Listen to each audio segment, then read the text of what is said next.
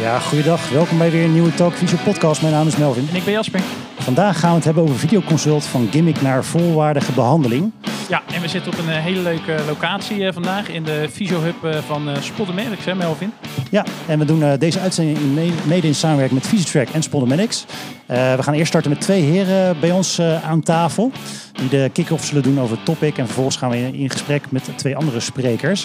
we willen in ieder geval het welkom stuk gedeeld doen met Frank van Zon, oud-fysiotherapeut, directeur Visitrack Nederland. En Maurice van Doren, oud-fysiotherapeut en implementatiecoördinator van Spodomedics. Welkom heren. Hoi. Dankjewel. Hoi. Willen graag het woord geven allereerst aan Maurice Doorn voor de kick-off van deze aflevering. Ja, super uh, Melvin, dankjewel. En uh, Jasper natuurlijk ook.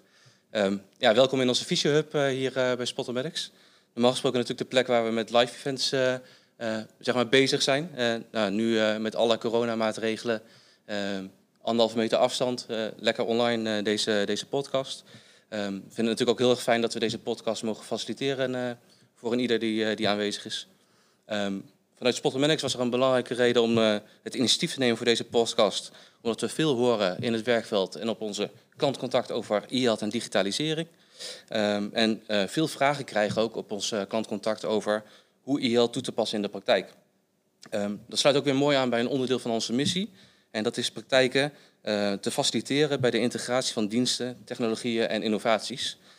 dus dat sluit daar mooi, mooi bij aan. Nou, wat wij dan hebben ervaren is dat corona als een accelerator werkt voor die, uh, voor die praktijk, ook om e door te voeren. Um, nou, dat zag je natuurlijk ook op cashflow-gebieden. Dus dat aan de ene kant dat er prestatiecodes werden vrijgegeven om te kunnen declareren. Um, en aan de andere kant waren er allerlei initiatieven om ervoor te zorgen dat je die zorg uh, kon voorzetten. Um, nou, voor onze praktijken, voor onze klanten om het zo te zeggen, die maakten veel gebruik van de koppeling met Visietrek. Nou, ongeveer 30% van onze praktijken die, uh, die maakt gebruik van die koppeling. we hebben een mooie in-EPD-koppeling, mooie integratie. Um, dus uh, nou, daar werd veel gebruik van gemaakt en uh, ook veel vragen over gesteld. Uh, dus misschien een mooie brug naar jou, Frank, om, om hem verder door te pakken. Ja, dankjewel Maurice. Um, ja, wij zijn ook trots als uh, Visitrack zijnde dat we hier vandaag als gastheer in ieder geval de discussie mogen faciliteren. Voor ons natuurlijk heel interessant om, om daar meer over te horen. Um, Visitrack is eigenlijk vanaf 2016 ongeveer al bezig met het videoconsult in de fysiotherapie. Je zag eigenlijk vanaf 2010 al uh, ontwikkelingen daarin. Kleine bedrijven die daar uh, hun, uh, hun omzet mee proberen te genereren. Kwam in het begin wat moeizaam van de grond. Zeker denk ik met de algemene adoptie van technologie in, in de Nederlandse zorg. En eigenlijk vanaf 2019, vanaf de zomer, dat het mogelijk was om onder code 1000, onder de individuele zitting fysiotherapie, om daarbinnen ook op afstand een consult te kunnen voeren, zag je langzaam die groei. Uh, maar ik weet nog dat we inderdaad in het begin van 2020 uh, op het podium stonden en dat ik grapte over dat uh, de situatie zoals die toen in Wuhan was, dat het ook mogelijk in Nederland zou kunnen plaatsvinden. Niet wetende dat dat inderdaad drie weken later of vier weken later zo het geval zou kunnen zijn dat wij ook in die situatie zouden zitten. Dus ehm, zelfs als Visitwerk zagen wij die ontwikkeling ook niet aankomen. wij hebben alle zeilen bij moeten zetten, want wij zagen eigenlijk een, in maart een verdubbeling in het aantal gebruikers. Dus ehm, wij hebben, in een, nou, we hebben bijna 10.000 zorgverleners verwelkomd in ik denk vier weken tijd.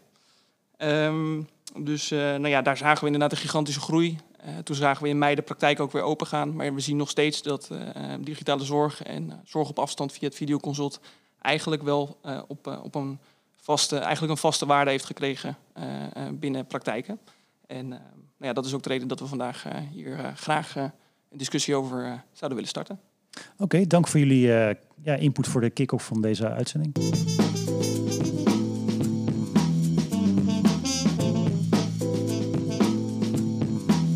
Allereerst hebben we Caroline Stevens, oud-fysiotherapeut, praktijkhouder en zorginhoudelijk adviseur paramedie binnen Zilveren Kruis Achmea. Welkom. Dankjewel. En Nicole Kremers, uh, onder andere fysiotherapeut en directrice fysio-expert en regio-directeur Fysiogroep Nederland, afdeling Noord-Holland. Hoi. Welkom. Zouden jullie kort even kunnen vertellen wat jullie doen? Ja, dat doe ik. Uh, ik werk sinds twee jaar bij Zilveren Kruis. Afdeling Strategie en Innovatie is een onderdeel van Zorginkoop. Ik ben zorginhoudelijk adviseur paramedie en ik hou me bezig met alles wat zich dus in de eerste lijn uh, afspeelt.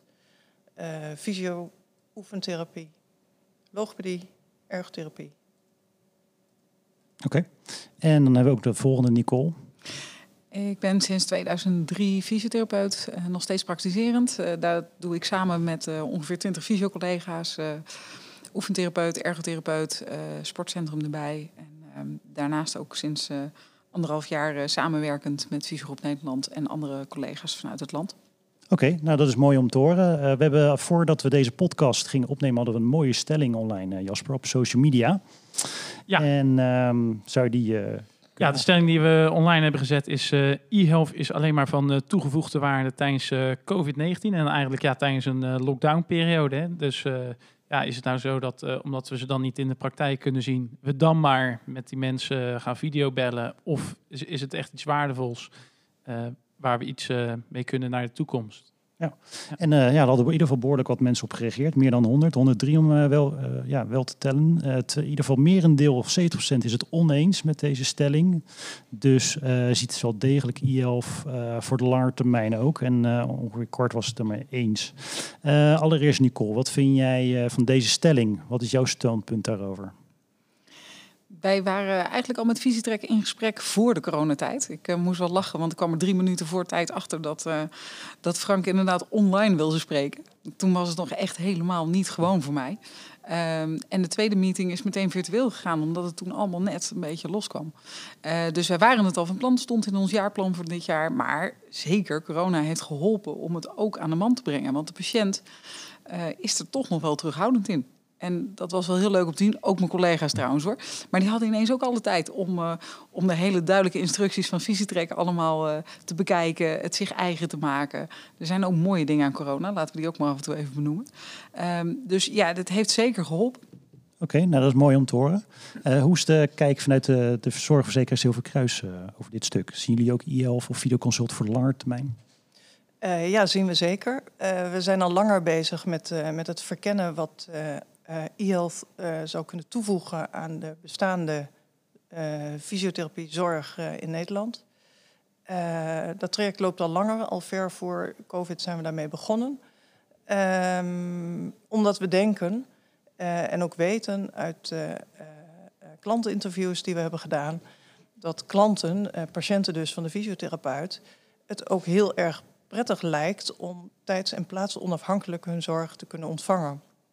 Als de klachten die ze hebben zich daar natuurlijk voor leent. Dus eigenlijk meerdere interventies hè, of meerdere middelen inzetten in de zorgbreed. Ja, dus we kijken ook echt wel meer kanten. Uh, Nicole die kijkt natuurlijk als zorgaanbieder, als fysiotherapeut... van goh, hoe kan ik uh, als fysiotherapeut dat in, uh, in, een, in een traject plaatsen... en hoe kan ik mijn medewerkers daarin meekrijgen. Ehm, wij kijken vooral ook wat heeft de klant eraan... en is het een meerwaarde voor de klant.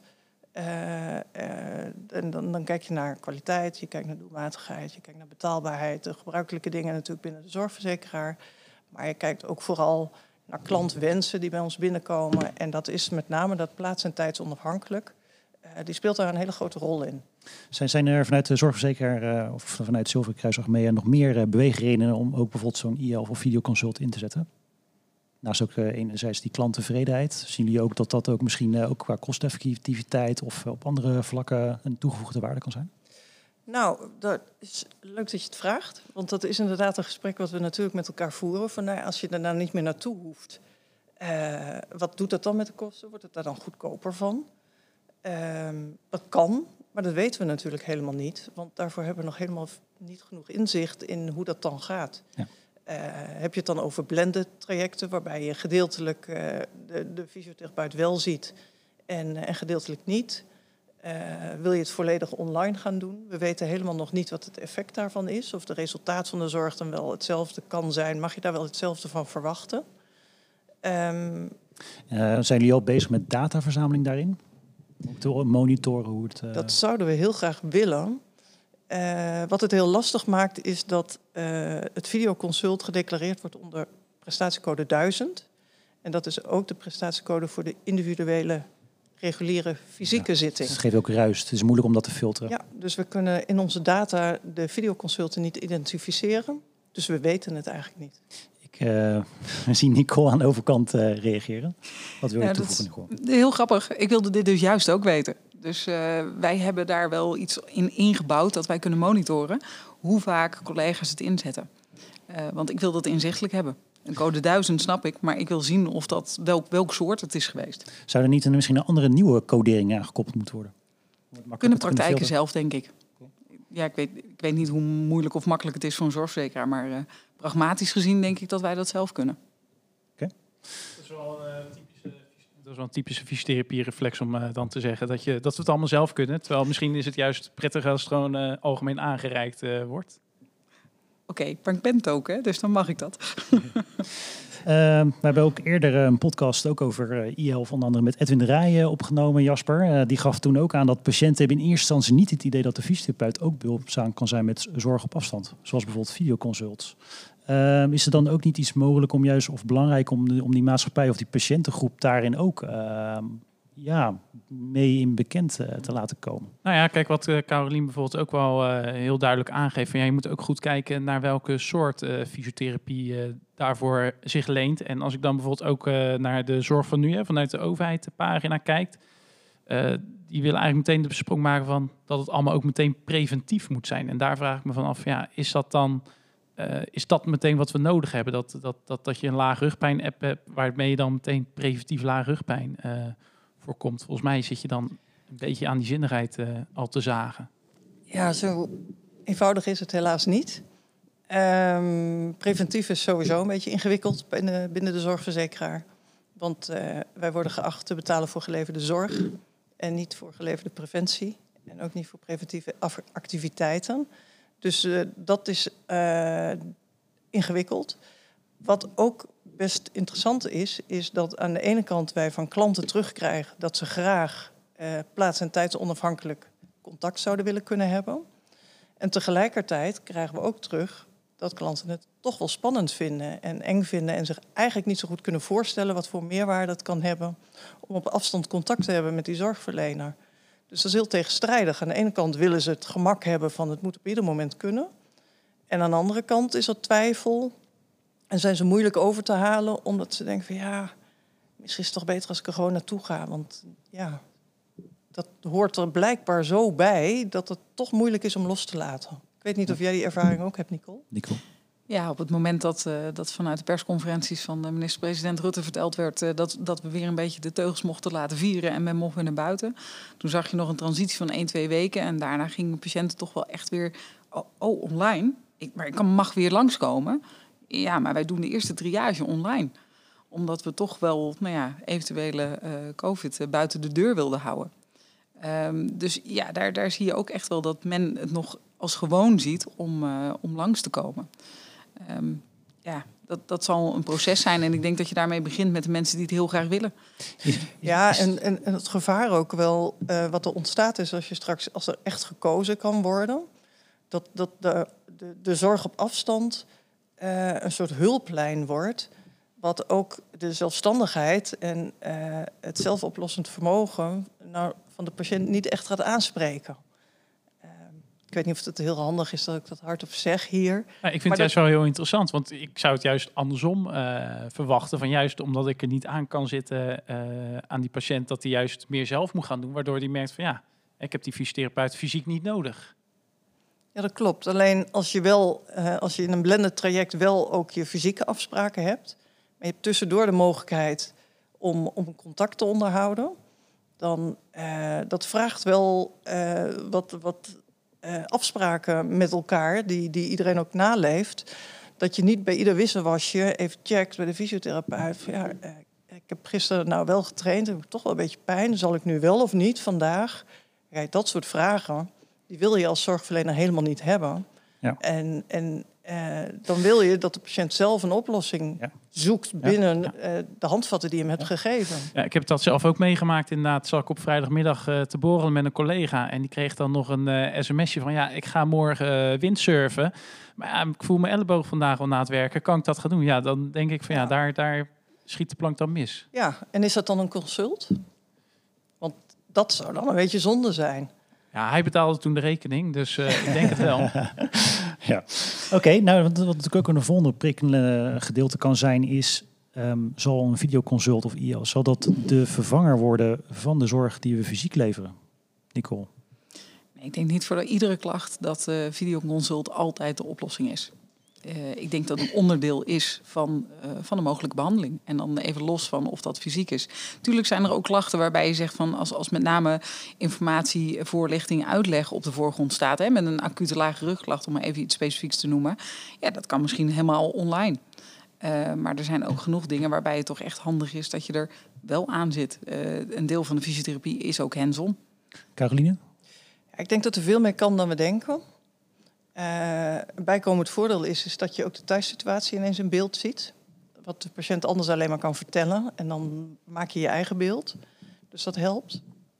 Um, en je ziet ook in, binnen de fysiotherapie is natuurlijk ook een hele grote ontwikkeling geweest de afgelopen jaren. Waarbij er heel erg van het hands-on behandelen de transitie is gemaakt naar hands-off en meer coachend, begeleidend bezig zijn. En ja, dat kan heel goed op afstand, maar dat zal best een tijd nog duren voordat we met elkaar de modus hebben gevonden waarin dat het beste gaat. En een hands-on fysiotherapeut is niet per definitie meteen een hele goede coach op afstand met een beeldscherm ertussen. Dat vraagt weer andere competenties. Dus daar zit ook nog wel een stukje tussen. Nieuw, nieuw scholingsaanbod. Ja, waar, waar, waar, ja, waar je vaardigheden in moet gaan ontwikkelen. Ja, hoe begeleid jij je, je, je mensen daarin? Ja, het mooie was wel dat ze heel veel tijd hadden. Dus uh, ze kwamen wel vaak bij elkaar. Je koppelde ook degene die het makkelijk leuk vonden aan de mensen die het moeilijker vonden. Aan de andere kant denk ik ook niet iedere therapeut hoeft dat misschien te doen. Het mag ook best zo zijn dat bepaalde therapeuten die dit leuk vinden en een uitdaging vinden, dat die het met name gaan doen. En dat ze complementair zijn aan elkaar. Ja. Uh, er komt ook nog input vanuit uh, Frank van Zon van Fysiotwerk. Uh, moet de rol van de fysiotherapeut altijd een fysieke rol zijn met mobiliserende en manueel behandeltechnieken? Nee, niet altijd. Nee. Ik gaf net al even aan, hè? een acute lage rugklacht mag los zijn. Um, ik weet alleen wel dat er onder onze collega's in het land ook heel erg de anders speelt. Van ja, dadelijk mag ik alleen nog maar online. En ik denk dat, dat die dingen ook tijd nodig hebben. En ik denk ook, ik, want ik ben het helemaal eens wat Caroline zegt, er is veel meer mogelijk. Um, alleen laten we dingen ook wel. Uh, ja, de, de, iedereen moet er klaar voor zijn en stapjes. En sommigen gaan sneller en de anderen gaan langzamer. En laten we elkaar daarin helpen. Ja, er was ook nog een reactie op uh, social media van Monique Dardar. Jasper? Ja, uh, fysio is hands-on. Telefonische adviezen gaf ik altijd al gratis. En nu kan ik patiënten daar dan niet voor laten betalen. Nou, dat is wel een hele goede vraag. Ja, hoe creëer je dan die waarde hè, van zo'n videoconsult? Zeker. Dat dat evenveel kan en mag zijn. Hè? Ook naar jezelf toe als, als therapeut. Hè? Hoe creëer je nou diezelfde waarde als dat diegene in de, in de wachtkamer of in de behandelkamer uh, bij je is? En hoe kan de fysiotherapiepraktijk daar iets aan, in, in, in betekenen? En wat kan de zorgverzekeraar betekenen om ja. dat proces ook voor de uh, patiënten, de klant, hè, uh, ook te versnellen? Ja. Dat is ook precies het punt waar we onder andere tegenaan lopen. Uh, dat klanten een verwachting hebben van hun bezoek aan de fysiotherapeut, uh, wat niet strookt met wat je krijgt als je een consult op afstand uh, hebt. en dat is lastig. We kunnen daar nu ook nog niet zoveel mee, behalve dan dat we het constateren dat het bestaat. Uh, en dat is best moeilijk, want uh, jij slaat de spijker op zijn kop met wat je zegt. Een telefonisch advies, dat is geen consult. Maar hoe buig je nou een advies aan de telefoon of via een beeldscherm om tot een volwaardig consult? Dat is echt wel ingewikkeld. Dat is helemaal niet zo makkelijk. En we zijn nu natuurlijk een beetje geholpen tussen aanhalingstekens door dit jaar en deze periode met, met corona en alle beperkende maatregelen. Iedereen moest wel. En je ziet dan dat er heel veel dingen ontdekt worden. En, en de ervaring die iedereen opdoet, die helpt ja. ons mee. Ja. Maar dat betekent niet dat we nu, nu al volwaardige videoconsulten kunnen verwachten. Van Wat, wat zou het ideaal scenario, scenario zijn vanuit het Zilverkruis gezien? Wordt het dadelijk gewoon echt eh, hè, zorg op afstand, een digitaal videoconsult, wordt het echt dan als een soort van behandeling eh, ervaren? Of, of zien jullie dat anders uiteindelijk? Waar gaat, dat, waar gaat dit naartoe? Nou, wat wij graag zouden willen is dat eh, fysiotherapeuten de competenties ontwikkelen om eh, zorg op afstand eh, op een kwalitatief goede en op een veilige manier eh, te kunnen aanbieden. Dan ontstaan er blended trajecten, Ja. maar ook volledige online trajecten. Ja, dus echt die voorwaarden, hè, hoe de Ja. therapeut geskild is in, eh, in deze omgeving. Ja, en Eh, die therapeut moet daar echt de tijd voor krijgen om die skills te ontwikkelen. Dat gaat niet van vandaag op morgen. Daar hebben we tijd en, en dus ook geld voor nodig. Ja. Ehm, maar we, weten, we zijn er echt van overtuigd dat er zijn veel aandoeningen, klachten, die kunnen volledig online. Uh, maar dat vraagt aan de fysiotherapeutkant heel veel. Uh, maar dat vraagt ook aan de patiënt, aan de klantkant heel veel. De verwachting van de klant, van de patiënt, die moet ook echt uh, bijgestuurd worden. We moeten daar, dat is onze taak, om daar veel meer informatie over te geven, wat ze kunnen verwachten. En wanneer het reëel is om echt een fysiek consult te mogen en te kunnen ontvangen. En wanneer het ook heel reëel is dat een zorgaanbieder zegt van nou hiervoor hoef je echt niet naar mij toe te komen. Ja. En als een klant of een patiënt die behoefte heel sterk heeft om wel dat fysieke contact altijd te hebben, ja, dan is dat ook wel het moment dat je je afvraagt, is dat dan alleen fysiotherapie? Een stukje op de voorgrond voor de patiënt, hè? De, du de duidelijkheid, wat, wat is het? Ja. Wanneer in te zetten en dan voor, vanuit de therapeut gezien, hè? De, de, de skillset hebben om dit te kunnen. En ook ja. het selecteren erin. Hè? Wanneer wel en wanneer niet ja. zo'n videoconsult wordt ingezet. Hoe zie jij dat, Nicole? Nou, ik denk dat we met mijn collega's heel duidelijk besproken hebben van we moeten daar wel heel open en transparant in zijn. En wat is de verwachting? Dus ik, we hebben dat zeker in, in die uh, coronatijd uh, heel duidelijk besproken. Van wat we nu doen is een videoconsult. Daar wordt dus een zitting voor gerekend. Is dat akkoord? En als iemand nee zei, dan oké, uh, vragen wat, wat is uw verwachting dan nu van deze setting? Um, ja, dat kost, uh, dat kost gewoon tijd. En dat kost ook wel inderdaad gesprekstechnieken van mijn collega's. En um, toevallig hadden we dit jaar al ingezet om, om meer met communicatie aan de slag te gaan. Uh, gedragswetenschappers die ons uitleggen van hoe doe je dat nou? Maar dat is ook in een hands-on behandeling heel erg belangrijk. Want waarom geven we adviezen en doet iemand er niks mee? Dus ik denk dat dat inderdaad een transitie is die we al ingezet zijn. Maar die wel tijd en uh, nou ja, energie kost. Maar die ook wel heel leuk is.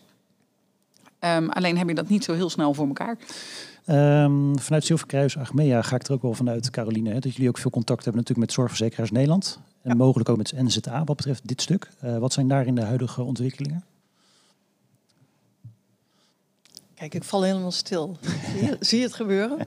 Ja, dat is uh, ja, de huidige ontwikkelingen. Uh, je moet je voorstellen, de NZA die uh, zorgt ervoor dat er beleidsregels zijn. Uh, op basis daarvan hebben we prestatiecodes.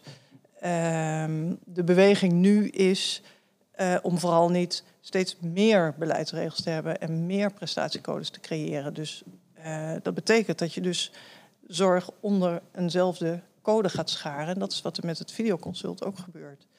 Dus aan de ene kant je simpliciteit hè, van ja. die codering, maar aan de andere kant geeft het natuurlijk weer ruis voor de datasetverzameling. Ja, precies. En dat maakt het lastig om het. Uh, en dan kom ik terug bij wat Nicole net zegt. Uh, als je aan een klant, aan een patiënt uitlegt: dit kost een hele zitting, dit kost je een hele tik uit je AV. Ja, dat vinden mensen soms echt wel een, Dat is een moment van twijfel, denk ik, bij mensen vaak. Dan denk ik: ja, shit, maar als ik er naartoe ga, nou ja, dan, zit die me en uh, dat gevoelsmatig geeft dat meer waarde. En dan dus ze moeten ervaren dat die waarde hetzelfde kan zijn. Ja, er was ook een reactie op social media van een therapeut die had een cursus gehad. En uh, daar, dat, daar kwam ook naar voren dat uh, de, de behandelrelatie van de patiënt en de therapeut natuurlijk heel belangrijk is. Maar dat het ook mogelijk bij een digitale setting ook uh, die patiënt-therapeut-behandelrelatie ook goed kan zijn. Hoe zie jij dat, Nicole? Ja, ik denk zeker dat dat kan. En, en dat dat ook alweer veel skills vraagt van, van, de, van de fysiotherapeut. Uh, maar als het waarde heeft, doet geen enkele patiënt moeilijk over, over het declaratiemoment. En ik denk dat we daar uh, open in kunnen zijn van ja, uh, heb je gekregen waar je voor kwam? Kun je hiermee verder? Heeft het waarde gehad, deze setting? Is dat, is dat over de hele breedte bij jou de reactie? Want ik, ik, ik ervaarde hem zeker op het begin bij de eerste lockdown heel wisselend. Heel wisselend, hoe bedoel je dat? Dat, dat mensen eerder geneigd waren om te zeggen van nou, ik wacht wel even deze lockdownperiode af en dan uh, kom ik daarna wel uh, naar de praktijk, want dan heb ik wat aan mijn behandeling. Nou, gezien mijn omzet is dat zeker weten het geval geweest, want die was niet 100% met online. dus ik, ik moet je daar ja. echt gelijk in geven. En, maar. en, en heb je ook al bijvoorbeeld mensen in de praktijk die, hè, want je, je hebt dat steeds minder mensen zich aanvullend verzekeren, hè, dat ze ook particulier betalen. Zijn er bij jullie ook trajecten die particulier volledig via e-health zijn gegaan? Ja, zeker. Ja, die zijn er ook geweest. Ja. ja. En heb je die mensen ook nog uh, daarna gevraagd van ja, wat, wat, wat, wat vond je ervan? Wat vond je de, wat vond je de waarde van de e-health? Is dit de waarde die je, van, die je verwacht voor de prijs die je ervoor krijgt? niet zo expliciet op e-health wel of dat iemand tevreden was over het traject. Maar dat hebben we niet nog een keertje herhaald achteraf. Want toen mochten we weer opschalen en waren we ineens heel druk met andere dingen. Uh, ja, is wel een goede voor een volgende, ja, voor een voor de toekomst, zeg maar, om dat inderdaad na te vragen. Nou, we hadden het nu even een stukje gesprek over praktijkzetting. Uh, Jasper, voor jou natuurlijk ook bekend als uh, praktijkhouder. Uh, dan is natuurlijk de volgende interessante van ja, kan een e-health of videoconsult, kan dat juist een bedreiging zijn voor de omzet van de praktijk? Of juist een versterkend element zijn voor de omzet? Nicole. Ja, ik zie dat meestal als uitdaging om dat versterkend te laten zijn. Nog meer mensen kunnen bereiken en kunnen ondersteunen. Ehm, met, met wat we doen en de kennis en de kunde die we hebben. Oké, nou we zitten nu in het laatste gedeelte van uh, de, de discussiesetting met jullie beiden. Um, wat zouden jullie mee willen geven als laatste stuk voor de, voor de luisteraars uh, wat betreft uh, die videoconsult op afstand, Caroline? Ja, we gaan nu weer een periode tegemoet, ben ik bang, waarin het toch voor een aantal mensen, of voor een grote groep mensen, de kwetsbare mensen, moeilijk wordt om naar de praktijk toe te komen. Um, en ik zou willen oproepen om eh, zowel deze patiënten als, als jezelf, de fysiotherapeuten zelf, het je te gunnen om het gewoon uit te proberen. Ga het gewoon doen. Uh, en het, ja, is het minder succesvol, dan is er ook geen man overboord. Want uh, ja, anders gebeurt er niks. Uh, als je je praktijk dicht doet en je zegt ik wacht wel, want het is niks voor mij of het werkt niet, dat is echt een gemiste kans. de tijd nu, die, die geeft ons juist de ruimte en de gelegenheid om dit soort dingen te ervaren, om het uit te proberen zonder dat het consequenties heeft. Dus, dus ervaar het gewoon, ga het gewoon doen. Uh, en dan kun je altijd later nog het gesprek met elkaar voeren van ja, was het nou heel erg zinvol of was het weggegooid geld? Uh, en dan hebben we in ieder geval met z'n allen die ervaring gehad en dan kunnen we lering uittrekken en uh, dan kunnen we ook veel genuanceerder naar de toekomst kijken en weten waar het wel en niet inzetbaar is. Dus ga er vooral mee aan de slag, ga het doen. Oké, bedankt uh, voor deze bijdrage, voor deze uh, uitzending, uh, Caroline. Graag gedaan. Aan Silverkruis Achmea. Vertel, Nicole. Ja, ik, ik, iedere verandering is moeilijk. En uh, ik vind dat zelf ook. Ik ben uh, zelf inmiddels ook geen 18 meer en vind het dus best lastig om mee te gaan in het hele social media en noem maar op. Maar um, ik probeer dan altijd collega's te vinden die dat wel heel leuk vinden en een leuke uitdaging. En bij hun te onderzoeken waarom dat ze dat vinden. Uh, en ik probeer dan eigenlijk mijn eigen duiveltjes op mijn schouder een klein beetje stil te houden. Waarom dat het allemaal geen goed idee is. Um, en wie weet breiden we onze toolset uit en kunnen we alleen nog maar meer gaan doen. Zeg maar. En niet meer behandelingen, maar meer mogelijkheden. Oké, nou, bedankt ook voor, voor, jouw bijdrage voor deze aflevering, Nicole. Dan uh, gaan we nu weer uh, terug naar uh, Frank en Maurice, Jasper, voor ja. het laatste gedeelte. Ja, doen we nog een laatste afsluitend stuk met de mannen en even kijken wat zij van dit gedeelte vonden van de discussie.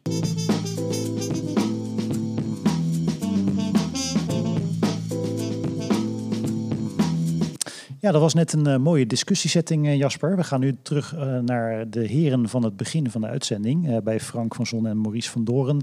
Maurice van Doorn willen jullie voor jou allereerst het woord laten om dit stuk te afsluiten. En ook vanuit Spottermedics gezien over het ja, onderwerp. Ja, mooi, dankjewel Melvin.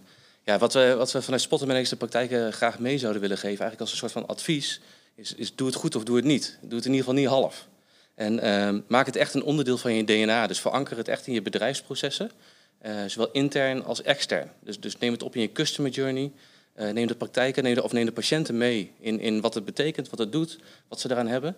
Um, en, en, geef het echt waarde. En dat sluit denk ik heel mooi aan met wat er uh, net bij de discussies werd, werd, genoemd. Dus waarde toevoegen in dat, in, dat, in, die, in, in, dat consult. Dat is denk ik heel erg belangrijk. Um, daarnaast natuurlijk ook zorg ervoor dat je volledig digitaal gaat. Dus, dus zorg ervoor een goede koppeling met je ICT-systeem, met je ICT-middelen. Dat denk ik ook hartstikke belangrijk. Um, en implementeer het ook echt in je interne werkprocessen. Dus neem je team mee, uh, deel informatie met elkaar, deel positieve verhalen met elkaar, deel ook problemen die je met elkaar tegenkomt. Dus neem elkaar mee en help elkaar ook in het implementeren van e-health in de praktijk. En zet het niet zeg maar, weg als een los onderdeeltje, maar adapteer het echt in je, in je praktijk. Dat is denk ik een hele, een hele belangrijke. Um, nou, binnen de implementatie van Spottermanagers werken we ook veel met key users. Dus stel desnoods een key user aan in de praktijk die je de verantwoordelijkheid geeft voor het implementeren van, uh, van e-health of andere processen. Dus uh, geef het waarde, dat is denk ik een, eh, een hele belangrijke. Oké, okay, uh, ja, dank je ervoor Maurice, ook voor jouw bijdrage voor deze uitzending. Jasper, wilde je ervan nog wat Nou ja, kijk, richting, richting ja, nee, heel, heel interessant hè, wat wat Maurice ook natuurlijk in- aangaf, hè, zowel intern als extern. Hè. En, en, en extern, dan zijn er eigenlijk twee partijen waar we naar eh, moeten kijken. hè. Dat is ene, enerzijds onze patiënt en de andere kant ook de, de zorgverzekeraar. En de zorgverzekeraar naar zijn klant toe. Eh, Frank, heb jij nog eh, tips eh, voor de zorgverzekeraar die daar wel voor open staat? dat eh, e-health steeds meer eigen wordt voor, de, voor hun klanten.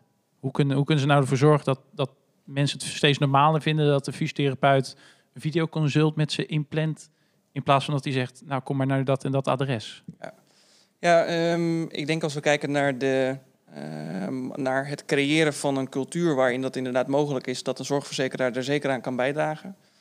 Het is natuurlijk inderdaad het, het starten met, eh, met deze vorm van digitale zorg is ehm, ehm, iets wat je in een, in een laagdrempelige omgeving moet kunnen doen. Ik denk dat een zorgverzekeraar daarin aan de ene kant een faciliterende rol in kan spelen door eh, fysiotherapeuten ruimte te geven om, eh, om daarmee om te gaan. Dus bijvoorbeeld om een pilot te organiseren, eh, waar daarbij ook een financiële vergoeding bijvoorbeeld tegenover staat. Of eh, ehm, ja, om inderdaad via een, bijvoorbeeld een vorm van subsidiëring daar ruimte voor te bieden. En ik denk aan de andere kant, aan de patiëntkant, inderdaad, de, wat net heel interessant was tijdens de discussie. ehm, de rol eh, die je als fysiotherapeut hebt in zo'n behandelproces, dus inderdaad om een patiënt te begeleiden.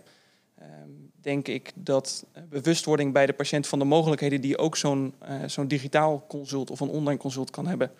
Ehm, ik denk dat een, een zorgverzekeraar of zorgverzekeraars daar gebundeld inderdaad een, eh, een, een mooie rol in zouden kunnen spelen.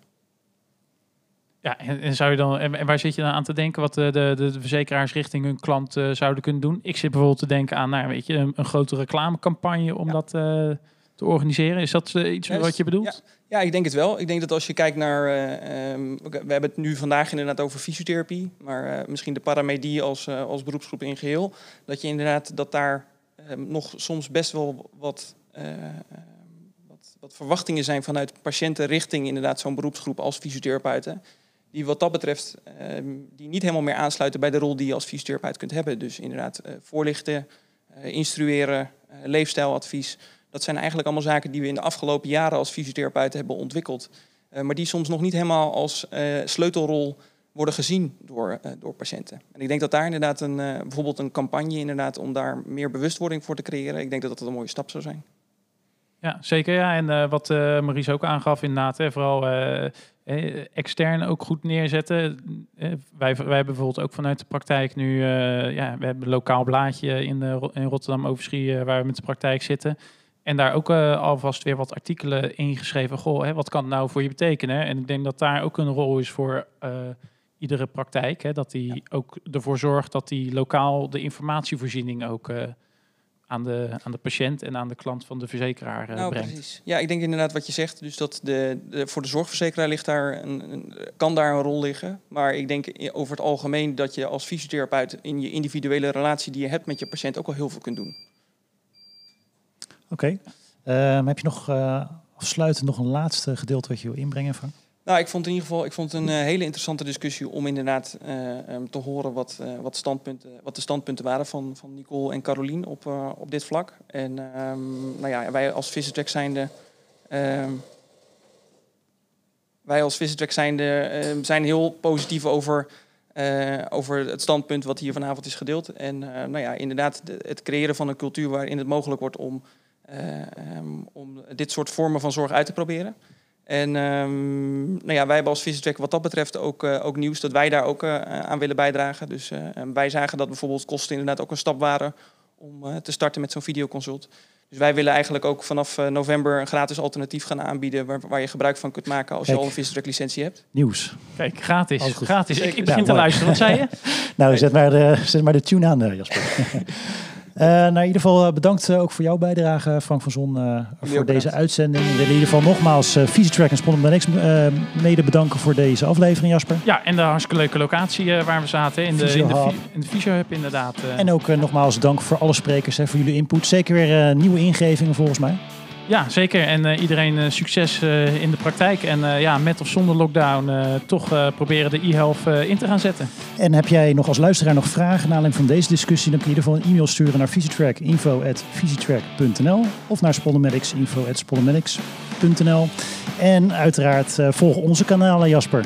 Ja, wij zijn te beluisteren. Anchor FM is ons vaste kanaal voor de podcast. Hè, maar we zitten ook op Facebook, LinkedIn, Twitter, Spotify. Twitter Ook, jazeker. En Instagram, had je ook al verteld. En, en. Instagram. Is goed. Ja. Bedankt voor het luisteren en tot de volgende aflevering.